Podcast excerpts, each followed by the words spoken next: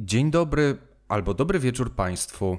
Witam w kolejnej rozmowie podcastów w ramach grantu badawczego Programy Alternatywnej Duchowości na Śląsku Cieszyńskim od końca XIX wieku do lat 70. XX wieku. Ja nazywam się Paweł Mirowski, a dzisiaj rozmawiam z religioznawczynią dr Renatą Czyż. Dzień dobry, dobry wieczór Pani doktor. Dzień dobry, dobry wieczór będziemy utrzymywać właśnie powitanie na, na dzień oraz powitanie na wieczór, ale zanim do tego przejdziemy do pożegnania, zacznijmy, skupmy się może na projekcie o, o Pani działalności w ramach na, naszych badań. Pierwsze pytanie oczywiście będzie dotyczyło mm, religii bo ponieważ skoro obracamy się wokół Śląska Cieszyńskiego, to już wcześniej pewnie to w niektórych podcastach się pojawiło, ale tutaj rozszerzmy ten aspekt. Otóż jako region pogranicza jest to też teren wielokulturowy, ale i wielowyznaniowy. I zwłaszcza w Wiśle mieszka wielu protestantów, przede wszystkim z wyznania ewangelicko-augsburskiego. Proszę mi powiedzieć, jak wygląda miejscowy kalendarz świąteczny w porównaniu do kalendarza Kościoła katolickiego, który właściwie dominuje w całej przestrzeni ogólnonarodowej, ogólnopolskiej. Czy w Wiśle i w okolicy mieszkańcy innych wyznań korzystają z dni wolnych, które wynikają ze świąt katolickich, a może jest odwrotnie? Oddaję głos pani doktor. E, tak, oczywiście. Teren pogranicza wielowyznaniowy, wielokulturowy, ale wyznania wszystkie chrześcijańskie, więc e, święta mhm. bardzo podobne. Tak samo, czy bardzo podobnie obchodzi się Boże Narodzenie i Wielkanoc. Mhm. Mm, ale trzeba zaznaczyć, że Wielki Piątek jest świętem szczególnym, najważniejszym w liturgii Kościoła Ewangelicko-Augsburskiego, szczególnie ważny właśnie dla protestantów i w tym dniu e, ewangelicy nie pracują. Mogą skorzystać z prawa, które obowiązuje w naszym kraju i otrzymać dzień wolny, czyli urlop na żądanie, i pracodawca może, a raczej ma obowiązek udzielić takiego urlopu pracownikowi, który jest wyznania ewangelickiego. I taką praktykę tutaj się na Śląsku Cieszyńskim jak najbardziej e, stosuje. Podobnie zresztą dzieje się w przypadku święta reformacji 31 października. Również można skorzystać e, z urlopu e, w tym dniu. Oczywiście są różnice w obchodzeniu świąt, zarówno wielkanocnych, jak i świąt Bożego Narodzenia. Mm, na przykład ewangelicy w Wielką Sobotę nie idą do kościoła, nie święcą pokarmów, ale na przykład w Boże Narodzenie e, tak samo śpiewa się kolendy i kolendy są, śpiewają protestanci kolendy katolickie i protestanckie, tak samo jak katolicy zresztą w całej mhm. Polsce, często nawet nie mając świadomości, że dana kolenda została napisana przez protestanta. E, mhm. To jest powszechne w, tak, w świecie chrześcijańskim, że śpiewa się i takie, i takie kolendy w obu kościołach. Oczywiście świąt katolickich jest więcej, zwłaszcza świąt maryjnych, prawda, które są zaznaczone na czerwono w kalendarzu i są to dni wolne od pracy dla wszystkich obywateli e, naszego kraju. No, oczywiście e, trzeba pamiętać, e, że protestanci w ogóle w kościołach protestanckich nie ma kultu maryjnego. Matka Boska jest pokazywana jako ta wybrana, wzór cnót, jak najbardziej przykład dobrej wiary, ale nie ma kultu e, Matki Boskiej. Stąd na przykład 15 sierpnia ewangelicy mają wolne i często Kościół ewangelicki wykorzystuje ten dzień wolny na zorganizowanie jakichś innych spotkań, e, które wynikają e, na przykład z kalendarza historycznego. W Wiśle w tym roku odbyło się 15 sierpnia, odbyła się pamiątka wybudowania, oddania do użytku kaplicy cmentarnej na cmentarzu na Groniczku i kto chciał, mógł przejść na nabożeństwo takie pamiątkowe. Parafia w Ustroniu, na przykład w Dzień Bożego Ciała, organizuje nabożeństwa przy kamieniu, e, czyli w leśnej świątyni, gdzie odbywały się tajne ewangelickie nabożeństwa czasach kontrreformacji, czyli w wieku XVII i jeszcze także w XVIII. Te, te święta katolickie więc e, nie są takie zupełnie niewykorzystane. Owszem, jak najbardziej też się je wykorzystuje dla praktyk religijnych, e, ale są to zupełnie innego rodzaju spotkania i święta. Można by zapytać się jeszcze o inne wyznania, jakie są obecne w Polsce, chociaż może to nie jest czas na, na taką dyskusję.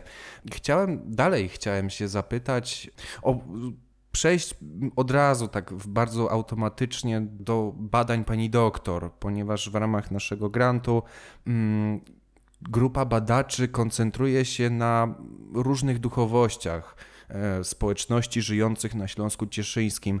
Z rozmów, które już do tej pory przeprowadziłem, wynika, że mieszkańcy tego regionu już 150 lat temu wyróżniali się jako świadomi, byli wykształconymi obywatelami.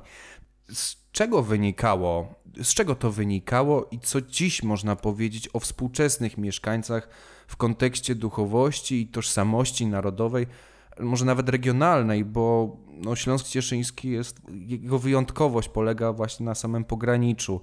Jest kilka takich regionów w Polsce, ale no tutaj mamy chyba takie elementy Austrii, Czech, Słowacji, na Śląsku Cieszyńskim, no i też chyba sam Śląsk. Oczywiście. Te wszystkie żywioły narodowe, e, prądy kulturalne ścierały się tutaj na tym terenie pogranicza i to miało bardzo korzystny wpływ na poziom wykształcenia. E, już przed I wojną światową poziom alfabetyzmu na Śląsku Cieszyńskim był bardzo niski. W zasadzie zaledwie 5% ludności nie umiało czytać i pisać no, w porównaniu z ziemiami polskimi w tym okresie, no to jest to bardzo godny naśladowania przykład. Tutaj już w XIX, a nawet w XVIII wieku e, chłopi pisali i czytali, zwłaszcza ci, którzy uczęszczali do gimnazjum ewangelickiego. Na przykład Jura Gajdzica, który pochodził z Cisownicy, a który zbierał książki, posługiwał się własnym exlibrisem wtedy, kiedy e, chłopi w ogóle nawet podpisać się nie umieli. Przepraszam bardzo, exlibris, co to znaczy? Exlibris to znaczy znak własnościowy książki, tak? Mhm. Właściciel oznaczał swoją książkę własnym znakiem, mhm. E, takim ala logotypem. Rozumiem. E, I tutaj to był taki przypadek niesamowity, że chłop ma własny exlibris. Mhm. Także takim, taki przykład możemy podać. Zatem poziom wykształcenia rzeczywiście e, był tutaj dosyć wysoki. Wspomniała pani, przepraszam, wspomniała pani doktor właśnie, że to głównie między innymi zasługa gimnazjum. Czy samo gimnazjum ewangelickie ono był, znaczy czy ta religijność miała znaczenie w tej edukacji? Jak najbardziej. Luther już postulował w XVI wieku, żeby kształcić się. Po co? Żeby móc czytać Biblię. Biblia, Pismo Święte to podstawa religii wszystkich wyznań protestanckich. No tak. E, I musiała to być e, Biblia w języku narodowym. A mhm. więc reformacja przyczyniła się przede wszystkim do umocnienia języków narodowych, no i kładła duży nacisk na edukację po to, aby to Pismo Święte wierni mogli samodzielnie czytać. I tutaj na Śląsku Cieszyńskim również bardzo wcześnie powstały e, szkoły, oparte oczywiście, nauka oparta w nich była na katechizmie Lutra. Już w XVI wieku książęta cieszyńscy wprowadzili taką zasadę. Potem to wszystko się oczywiście zmieniło ze względów politycznych głównie, ale protestanci korzystali z polskiej literatury religijnej. przepraszam, i do dzisiaj można tutaj w zbiorach mm, historycznych, głównie Cieszyna, odnaleźć starodruki protestanckie z XVI wieku, z których korzystali wierni Kościoła ewangelickiego.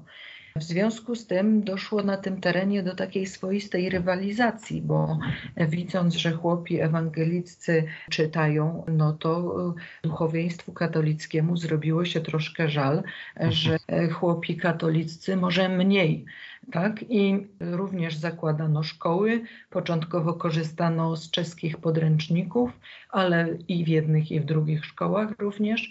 Natomiast językiem wykładowym był język polski. I w tych szkołach ludowych, a gimnazjum ewangelickie to już oczywiście była wyższy poziom edukacyjny i tam już uczono nie tylko e, języka obowiązującego urzędowego, czyli języka niemieckiego, ale także na przykład łaciny i greki. Więc nie było dziwnym, że w, w chacie chłopskiej na Śląsku Cieszyńskim można było spotkać książ książki po hebrajsku czy po grecku, e, bo kto uczęszczał do gimnazjum ewangelickiego, mógł taką książkę mieć i zresztą miał na pewno, bo mamy na to dowody a w XIX wieku, kiedy już e, władze habsburskie pozwoliły na zakładanie różnych towarzystw kulturalno-oświatowych, no to wtedy powstało e, w łonie Kościoła katolickiego dziedzictwo błogosławionego Jana Sarkandra, a w łonie Kościoła Ewangelickiego Towarzystwo Ewangelickiej Oświaty Ludowej. Obie te organizacje koncentrowały swoje wysiłki na tym, żeby wydawać polską literaturę religijną dla swoich wiernych. I tym samym umacniano język polski, którego wcześniej e, no, nie można było tak sobie oficjalnie używać, bo językiem urzędowym, jak wspomniałam, był niemiecki. Mhm. I stąd e, też e, takie rozbudzanie czy uświadamianie bardziej tej polskiej tożsamości narodowej. Ale z tą tożsamością e, no, do dziś trzeba tutaj się zastanawiać i dyskutować nad tym, bo ona nie jest taka jednoznacznie wszędzie i ustalona na stałe. Tak? Trzeba mhm. pamiętać, że jednak tożsamość narodowa czy też religijna to jest kwestia osobistego też wyboru. E, w związku z tym, ponieważ warunki polityczne na Śląsku Cieszyńskim były zmienne, tak? I ten teren mhm. Raz był koronie czeskiej, e, raz był w czasie II wojny światowej e, był wcielony do Rzeszy Niemieckiej. Potem nastąpiła tutaj zmiana po odzyskaniu niepodległości przez Polskę. Ten teren znalazł się w granicach II Rzeczpospolitej. W związku z tym silniejsza tutaj jest tożsamość regionalna i religijna niż świadomość narodowa bo ta dopiero zaczęła powstawać właśnie w XIX wieku, czy wykształcać się, a tożsamość religijna e, była o wiele wcześniejsza, no i regionalna jako księstwo cieszyńskie również była wcześniejsza. Także tutaj nie, jest to tak, nie są to takie łatwe sprawy do zdefiniowania i jednoznacznego określenia. Mhm, rozumiem. E, było już poruszała pani doktor temat literatury oraz tekstów i właśnie przedmiotem pani badań, z tego co już wcześniej ustalaliśmy jeszcze przed rozmową, będą związki duchowości alternatywnej z kulturą ludową i literaturą piękną, e, przede wszystkim tworzoną właśnie na Śląsku Cieszyńskim. Czy na chwilę obecną udało się Pani odszukać takie związki i dotrzeć do poszukiwanych przez Panią tekstów? Jeśli tak, to gdzie, gdzie, one, się, gdzie one się znajdowały? Mhm. Tak, jak najbardziej. Takie związki e, udało się już odszukać i teksty e, częściowo również. E, ponieważ te osoby związane z kręgiem wiedzy duchowej, z alternatywną duchowością, bardzo interesowały się kulturą ludową. Przede wszystkim skupiały się na dokumentacji kultury ludowej, nad jej zachowaniem dla przyszłych pokoleń. E, przede wszystkim zajmowali się tym nauczyciele na przykład e, Andrzej Podzorski z Wisły, nauczyciel w miejscowej szkole i założyciel Muzeum Beskidzkiego, obecnie oddział Muzeum Śląska Cieszyńskiego w Cieszynie. Ten dokumentował kulturę ludową na wszystkie chyba znane e, sposoby. Ponieważ był uzdolniony plastycznie, to um, rysował. Rysował elementy zdobnictwa ludowego, rysował zdobnictwo na narzędziach, na przykład na toporkach góralskich, siekierkach, ozdoby w metalu, w drewnie, ozdoby malarskie skrzyń wałaskich, czyli takich skrzyń, w których e, panna młoda otrzymywała posag, kiedy e, wychodziła za mąż. Też taka zaawansowana etnografia. mm, Tak, takie- jak najbardziej, chociaż nie był wykształconym etnografem, był amatorem, to jednak rzeczywiście poziom jego prac etnograficznych jest bardzo, bardzo wysoki. Mhm. Drugą taką osobą, która również tą kulturą się interesowała, był Józef Chobot, wydawca czasopisma Odrodzenie. Też e, związany z tą wiedzą duchową, który zbierał pieśni ludowe i cały zbiór pieśni, które on zebrał, zachowały się do dnia dzisiejszego. E, Kolejną taką osobą, która mm, zajmowała się kulturą ludową, jest Jerzy Chadyna, czyli ojciec Stanisława Chadyny, założyciela zespołu pieśni i tańca Śląsk, Mhm. e, który w własnej twórczości kompozytorskiej inspirował się jak najbardziej e, muzyką ludową e, właśnie z terenu Śląska Cieszyńskiego. Te wszystkie eksponaty, teksty, zbiory, pieśni, rysunki, czy nawet kompozycje autorskie, wszystko to można znaleźć e, na Śląsku Cieszyńskim, właśnie w muzeach, bibliotekach i archiwach, które w ramach grantu tutaj badamy te zbiory, penetrujemy, sprawdzamy, co jest dostępne, co można jeszcze odszukać, co się zachowało do dnia dzisiejszego. Podobnie dzieje się w przypadku literatury pięknej. Będę próbowała w ramach swoich badań przybliżyć twórczość Janki Pilchówny, młodej poetki, która jako nastolatka e, debiutowała, a była córką Jana Pilcha i Agnieszki Pilchowej, jasnowidzącej, tak zwanej jasnowidzącą, którzy mieszkali na Jarzębatej w Wiśle. E, Jaki to był okres, jaki to był przedział czasowy jej działalności artystycznej? Oczywiście Janka Pilchówna tworzyła, debiutowała już przed II wojną światową. Jest to okres międzywojenny. No a pozostała jej twórczość jest nam kompletnie nieznana, ponieważ ona mm, po II wojnie światowej wyemigrowała do Brazylii i wiemy, że tam tworzyła zarówno w języku polskim, e, jak i w języku portugalskim, ale nie mamy dostępu do tych utworów. Przynajmniej, na, przynajmniej w chwili obecnej na ten czas nie mamy dostępu. Tak. Może jeszcze projekt badawczy będzie jeszcze trwał przyszły rok, więc, e, więc na pewno zobaczymy. Ja myślę optymistycznie. Pani doktor, no właśnie już było wspomniane o duchowości alternatywnej, o literaturze pięknej. A czy właśnie w takiej twórczości pisanej, czy w twórczości śpiewanej, zresztą e, wcześniej etnografia opisywała właśnie pieśni ludowe jako poezję, mm, czy te, te fragmenty, co jeszcze właściwie można uchwycić z tej pieśni, z, tych, z tej twórczości artystycznej, z tej poezji na temat duchowości alternatywnej? E, Czy może coś innego, w jakiś sposób e, dokumentowano te praktyki, które nie były, były bardziej uduchowione? Czym zajmowali się tacy ludzie praktykujący duchowość alternatywną na Śląsku Cieszyńskim i co, i co po nich pozostało? Czy można rozpoznać w jakiś sposób, oho, to jest jakby element duchowy? Jak najbardziej. Duchowość no, jest bardzo trudno uchwytna w badaniach, ale akurat po działalności osób tutaj związanych czy praktykujących alternatywną duchowość na terenie Śląska Cieszyńskiego zostało bardzo dużo. Zostały przede wszystkim książki przez nich wydawane i zostały e, czasopisma, cały szereg czasopism, które ukazywały się mm, na Śląsku Cieszyńskim.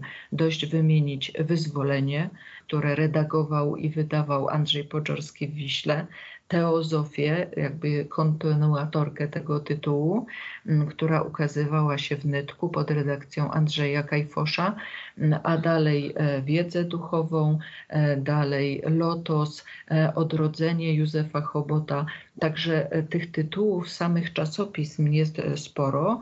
Czyli to już samo charakterystyczne było opisanie, że po prostu sami, sami twór, twórcy prezentowali, że to jest duchowe, że to ma charakter duchowości alternatywnej. Jak najbardziej i zawartość tych czasopism e, to ona dopiero prowadzi nas do odkrycia e, tej duchowości, tak samo jak e, książek, które wydawali całymi seriami.